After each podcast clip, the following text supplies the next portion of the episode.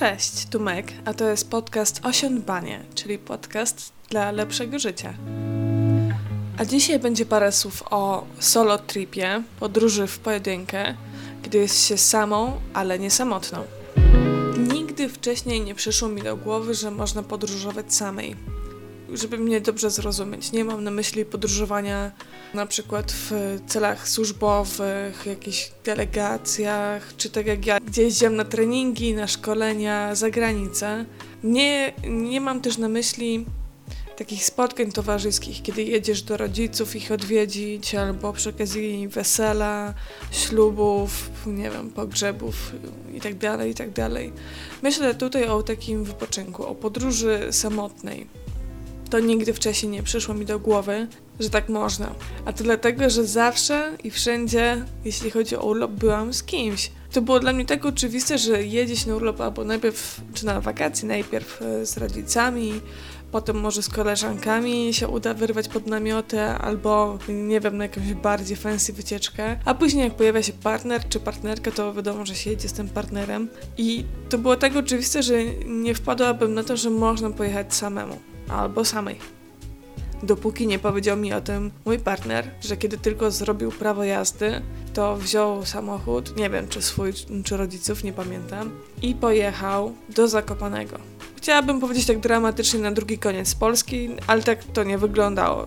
Do Zakopanego nie jest super blisko skąd on skąd jest, ale też nie jest jakoś super daleko. W sensie, no na pewno nie jechał za Szczecina, powiedzmy sobie szczerze. I gdy opowiedział mi tę historię właśnie, że pojechał na taką samotną podróż do Zakopanego, to coś we mnie drgnęło.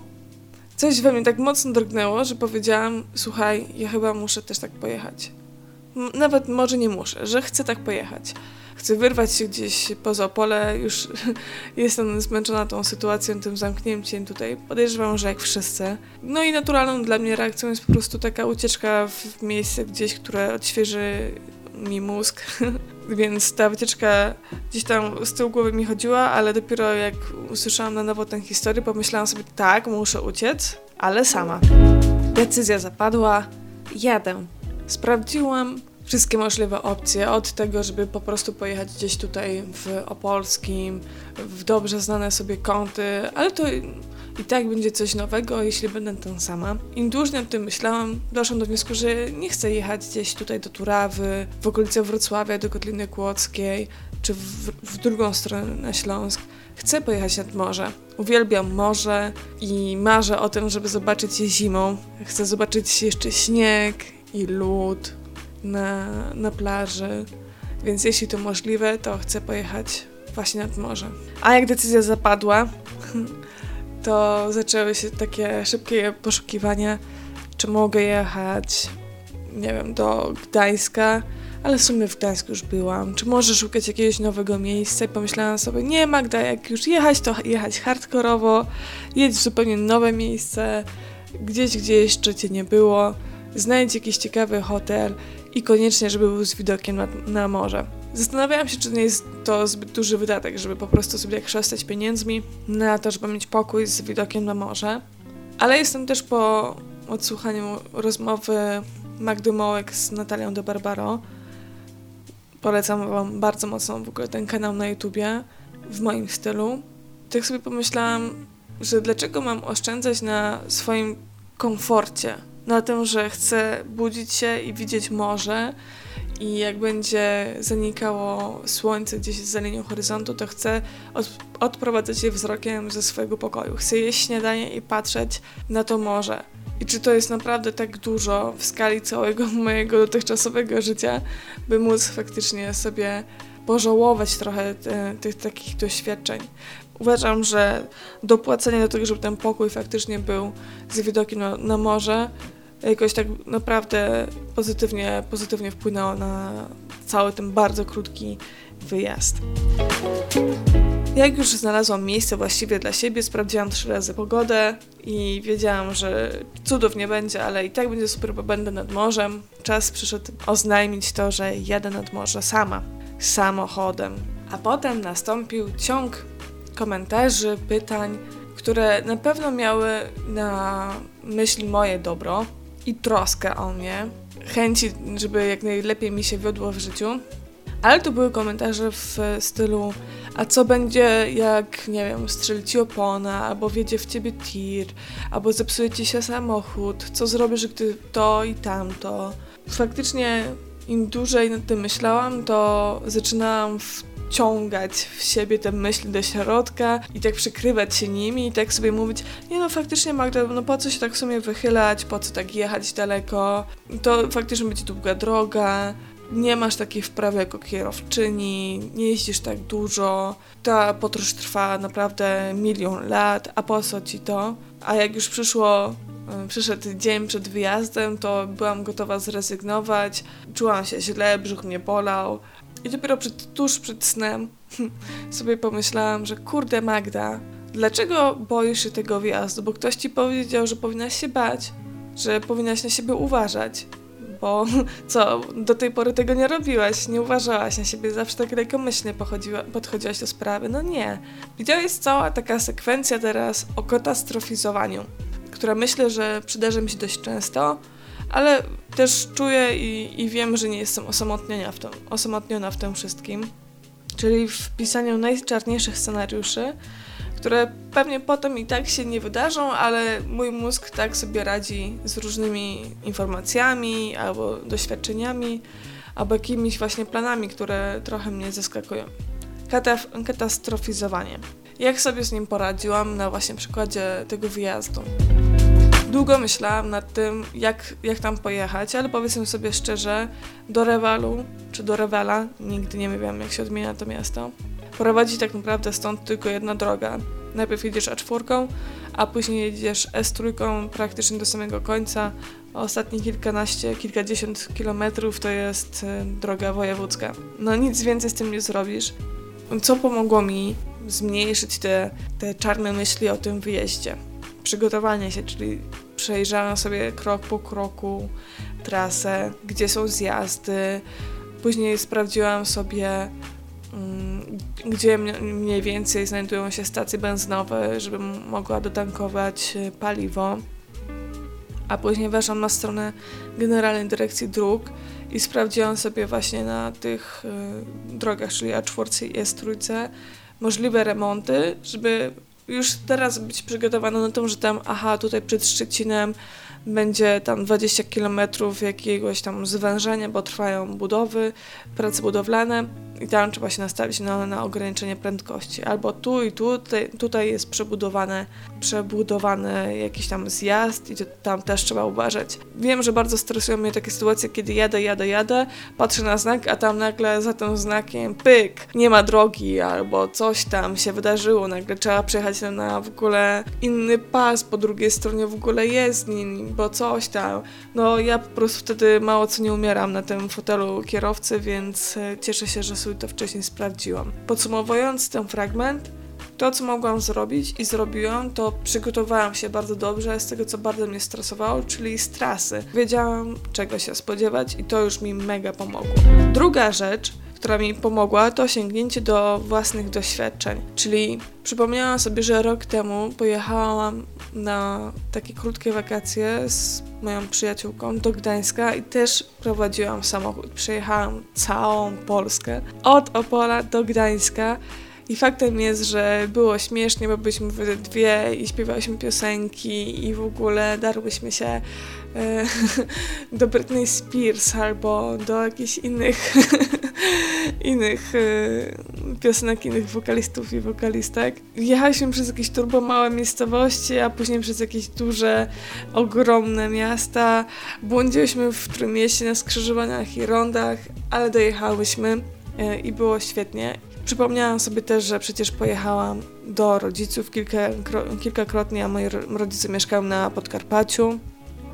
Przypomniałam sobie, że przecież pojechałam na Słowację, zawieźć ich na taką małą wycieczkę mm, do Bardejowa, więc y, przyjechałam po w ogóle jakimś górzystym terenie, gdzie naprawdę miałam wrażenie, że jestem na jakimś rajdzie w Monte Carlo i tam sobie też dałam świetnie radę. Przypomniałam sobie, jak jechałam w Kotlinę Kłodzką i jak wąskimi drogami jechałam, gdzie w, drodze praktycznie rosły drzewa, a za nimi zaraz zaczynała się wielka skarpa, więc gdybym się tylko sturlała tym samochodem, to pewnie sturlała się w dół i już go nie wgramoliła na drogę. Dojechałam, poradziłam sobie z tymi rzeczami i przypomniałam sobie te wszystkie właśnie takie doświadczenia i to mi już pomogło, że słuchaj Magda, skoro już raz dałaś radę, to drugi raz to też nie będzie takie trudne. Tutaj miałam też taką małą, małą wątpliwość, bo mój partner mówi Ej Mego, ale jak chcesz jechać, to musisz sobie dopompować koła, bo tam zeszło z nich powietrze trochę. I zaczyna się horror Magdy.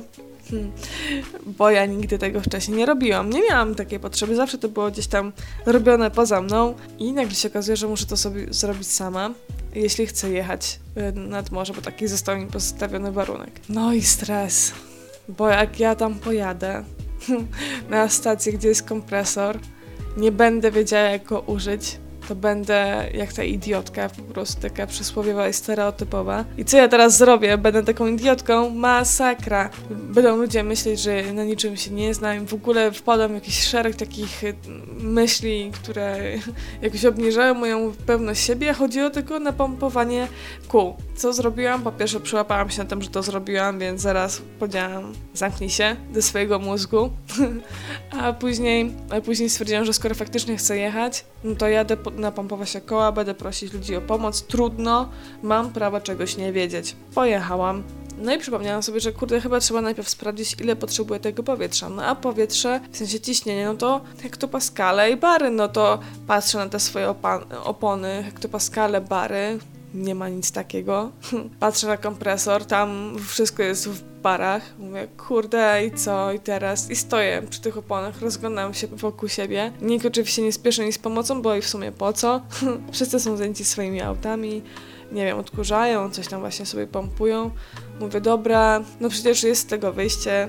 Poprosiłam o pomoc swojego partnera, zadzwoniłam, mówię, stary, tutaj się nic nie zgadza, Tutaj jest na kompresorze w barach, tutaj nic nie ma o barach na tych oponach, nie wiem co mam ustawić, co mam zrobić, instruuj. I faktycznie przez telefon było tak, tu jest PSI, tu jest PSI, ile tam masz? 44. No to idziesz teraz no, do tego kompresora, i musisz tam ustawić 44 tym plusem lub minusem.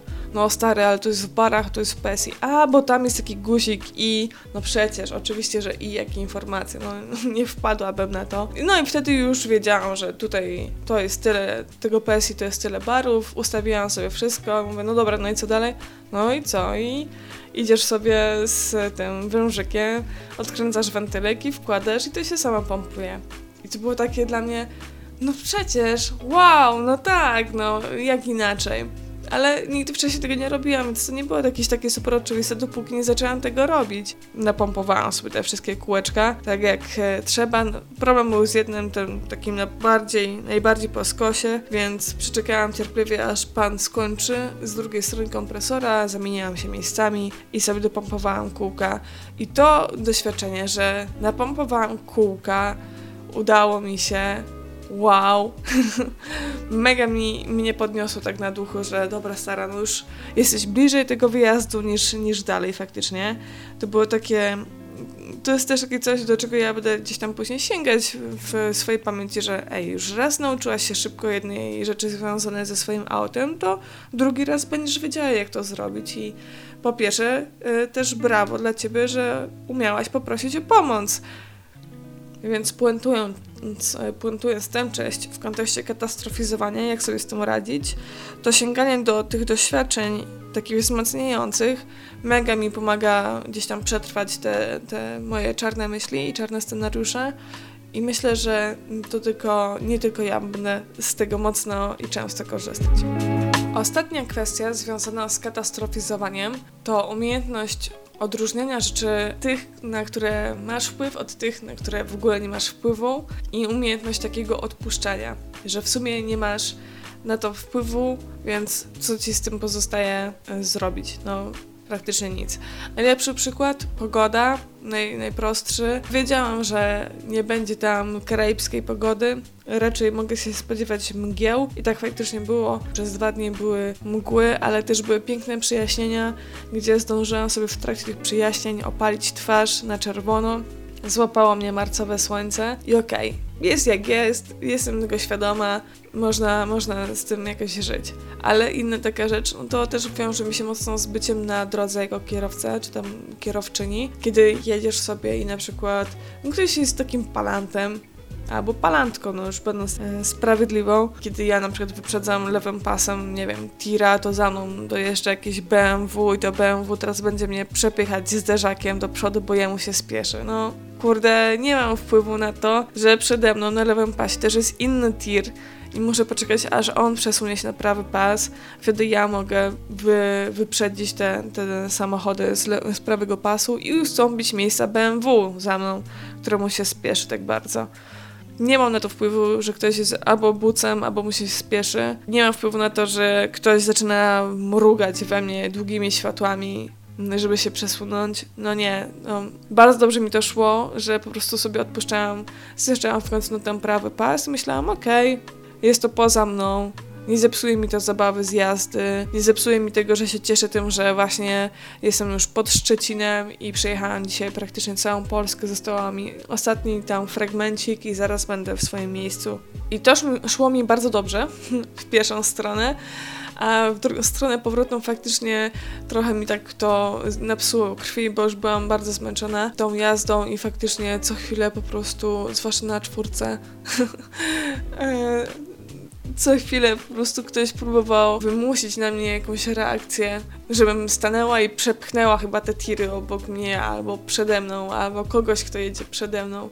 Nie wiem, co ci ludzie mają za wyobrażenia w takich sytuacjach, ale strasznie mnie to denerwowało i faktem jest, że trochę tak przeklinałam pod, pod nosem. Ale te przekleństwa też były jakąś taką ulgą.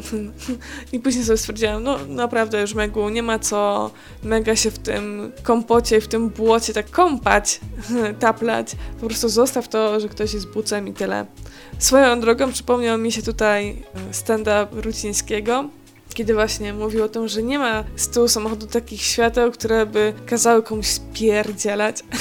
w sensie, wiecie, no z przodu to możesz faktycznie komuś mrugnąć długimi światłami, że, że faktycznie coś trzeba zrobić, albo i tak dalej. To jest jakiś sposób komunikacji między kierowcami. A z tyłu no, co możesz takiego zapalić, żeby takiemu natrętnemu kierowcy BMW dać do zrozumienia, żeby spadał na drzewo? No nie, nie możesz kliknąć awaryjnych, bo to albo jest informacja o tym, że super, dziękuję za to, że mnie wpuściłeś gdzieś tam w jakieś miejsce, albo że no, przede mną korek, nie ma co się pchać. Nie ma takich świateł, i próbowa próbowałam wymyślić w drodze powrotnej, jakie światła byłyby idealne, tylko żeby kazać komuś spadać na drzewo, takie światła z tyłu. Jeśli macie pomysły, jakie to mogą być światła, oprócz światła stopu, po wciśniętym nagle hamulcu, to yy, będę czekać na Wasze propozycje, na przykład na Instagramie to kwestia właśnie odróżniania rzeczy na te, na które mam wpływ i te, na które nie mam wpływu i po prostu odpuszczanie tych rzeczy, które naprawdę nie są w zasięgu mojej ręki, na co, na co nic nie mogę zdziałać, bo to niczym nie pomoże, a tylko będzie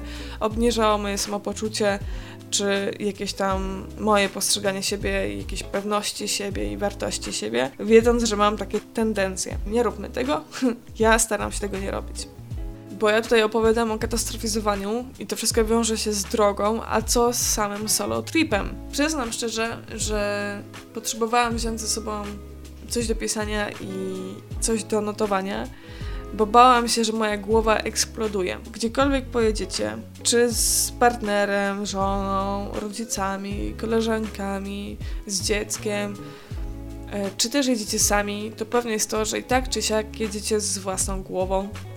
To jest po prostu nieodłączny towarzysz czy towarzyszka waszej podróży, nieważne czy solo czy nie. Faktycznie bardzo dużo czasu mi zajęło, żeby się przemóc i sobie spisywać różne rzeczy, bo to czyniło też we mnie tylko taki mindfulness, coś na co bym chciała zwrócić większą uwagę w tym roku. Przykład, trzymam sobie plażą i przyszło mi powiadomienie, że klient napisał tam maila, więc mówię, a dobra, to szybko sprawdzę, zrobię sobie od razu przerwę na jakąś ciepłą herbatę. W tym mailu tak wywnioskowałam, nie wiem czy dobrze, że tej rzeczy jeszcze jednej nie można załatwić, ponieważ czekamy na informacje od partnera projektu, to tak wybrzmiało, że chyba tam jest jakiś taki zgrzyt między klientem a tym partnerem projektu. Więc ja stwierdziłam, ok, informacja dla mnie jest taka, że na razie nie podejmujemy, podejmujemy żadnych akcji, czekamy na dalszy krok. A druga myśl, która mi przyszła, to taka, że o, a ciekawe o co tam poszło. I w ogóle zaczęłam iść w stronę tam latarni morskiej, rozmyślając przez dobre kilka minut, ciekawe, czy tam się pokłócili, czy o co poszło i tak w którymś momencie się przyłapałam i mówię, ej Magda, w ogóle rozkminiasz konflikt, rzekomy, domniemany konflikt, którego nawet nie jesteś częścią, ani stroną. Po co? to jest taki przykład, jak wielokrotnie łapałam się na tym, że mój mózg zamiast się skupić na tym, że właśnie kurde jest przede mną piękne, szare morze, falujące spokojnie, jak nigdy wcześniej nie widziałam takiego spokojnego Bałtyku, to próbował sobie odlecieć i załatwiać jakieś tam sprawy, nawet y, brać udział w wyimaginowanym konflikcie. Taka lekcja mindfulnessu bardzo była mi potrzebna, bo to nie tylko szło w taką tą ciemną stronę, ale też w takim momencie, że o, jak tu jest pięknie, jak wrócę do pokoju, to zacznę malować to i tamto. To się wiązało tak pozytywnie z tym, co ja będę robić, ale to było wciąż planowanie przyszłości, kiedy ja staram się tu i teraz patrzeć na to piękne, falujące morze. Ta lekcja mindfulnessu bardzo dużo mi dała, i to, że prowadziłam ten krótki dziennik, faktycznie podbiło tylko tę umiejętność skupiania się w jednym momencie na tej, na tej rzeczy, którą, na której chcę się skupić. To, to jest jeden wielki plus tego solo tripu. Dwa, że dzięki takiemu dbaniu o, o siebie, właśnie to, że jadłam dobre śniadanie, że miałam widok na morze, że prowadziłam dziennik, że obniżyłam totalnie swoje oczekiwania co do swojej produktywności, czyli wiedziałam, że mogę sobie poczytać książkę, mogę sobie poglądać telewizję, mogę sobie przeleżeć cały dzień na TikToku, a mogę, nie wiem, przesiedzieć na plaży, wszystko jest totalnie ok.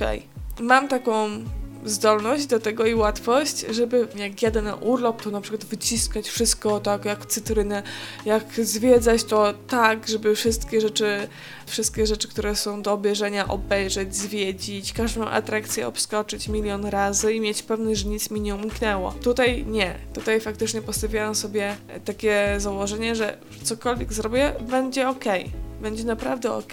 Nie muszę zwiedzać teraz całego rwala, trząsacza, niechorza, jeśli nie mam takiej ochoty i potrzeby. Nie mam nigdzie jakiejś listy to do zrobienia. Jako osoba, która na co dzień prowadzi własną firmę, ma też pracowników, też jest zaangażowana w różne projekty, listy to do, programy do zarządzania projektami i zadaniami, to jest dla mnie wytyczne do funkcjonowania i kalendarz Google'a. Bez tych trzech rzeczy nie jestem w stanie funkcjonować. I teraz spróbujcie sobie wyobrazić moją głowę, która słyszy ej, wszystko jest naprawdę okej. Cokolwiek zrobisz, czy to, że przyleżysz w łóżku scrollując TikToka, będąc prawie 600 km od domu, to też jest. Okay. Nieważne, czy mogłabyś to samo robić w domu. Nie. to też jest zupełnie. Okay.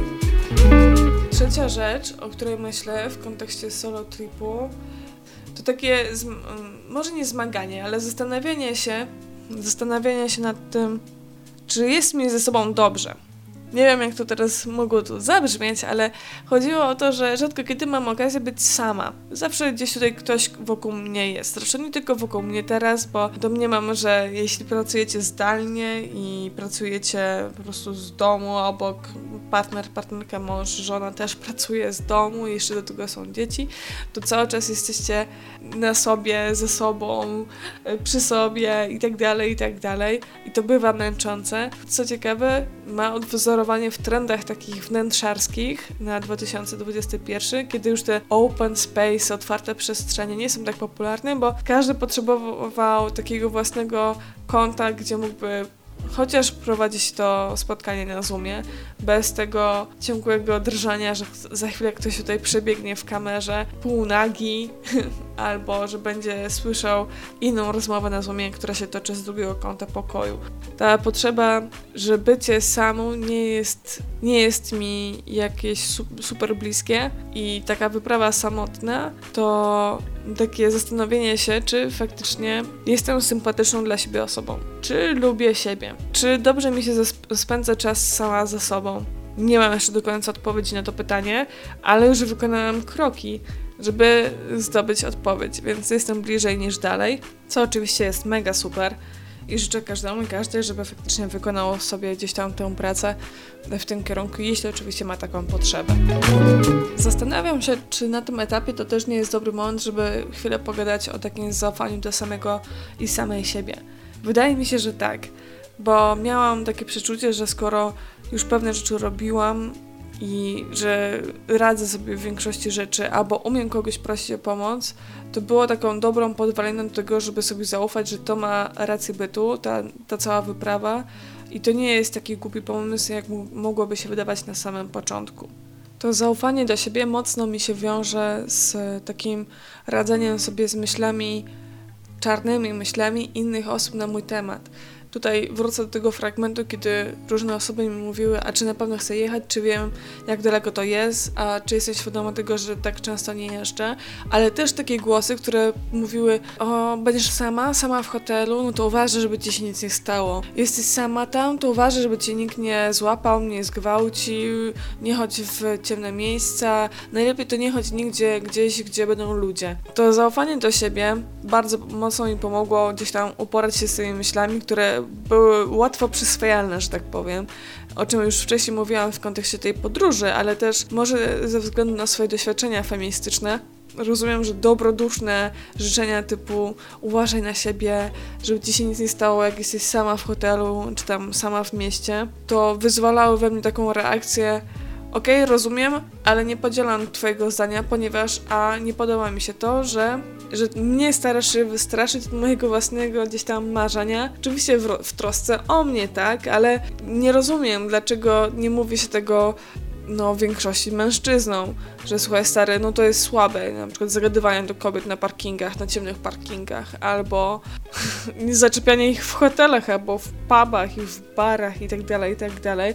Nie rozumiem, a nawet trochę mnie to wkurza, nie, nawet nie trochę, bardzo, ale gdybym powiedziała, jak bardzo mi to wkurza, musiałabym dać w oznaczeniu tego odcinka explicit na Spotify, a wolałabym tego nie robić. że bardzo, bardzo mnie porusza to takie właśnie mówienie, mnie przestrzeganie przed światem. Dlaczego ty, te osoby, które sprawiają, że ten świat wydaje się mniej bezpieczny albo jest mniej bezpieczny, nie są przestrzegane o tym, że robią beznadziejnie źle i w ogóle to jest słabe? Tylko cały czas to jest takie trenowanie kobiet, dziewczyn, dziewczynek nawet do tego, żeby wiecznie na siebie uważały. Dobra, bo widzę, że już mi ciśnienie skoczyło, a jeszcze nie piłam kawy.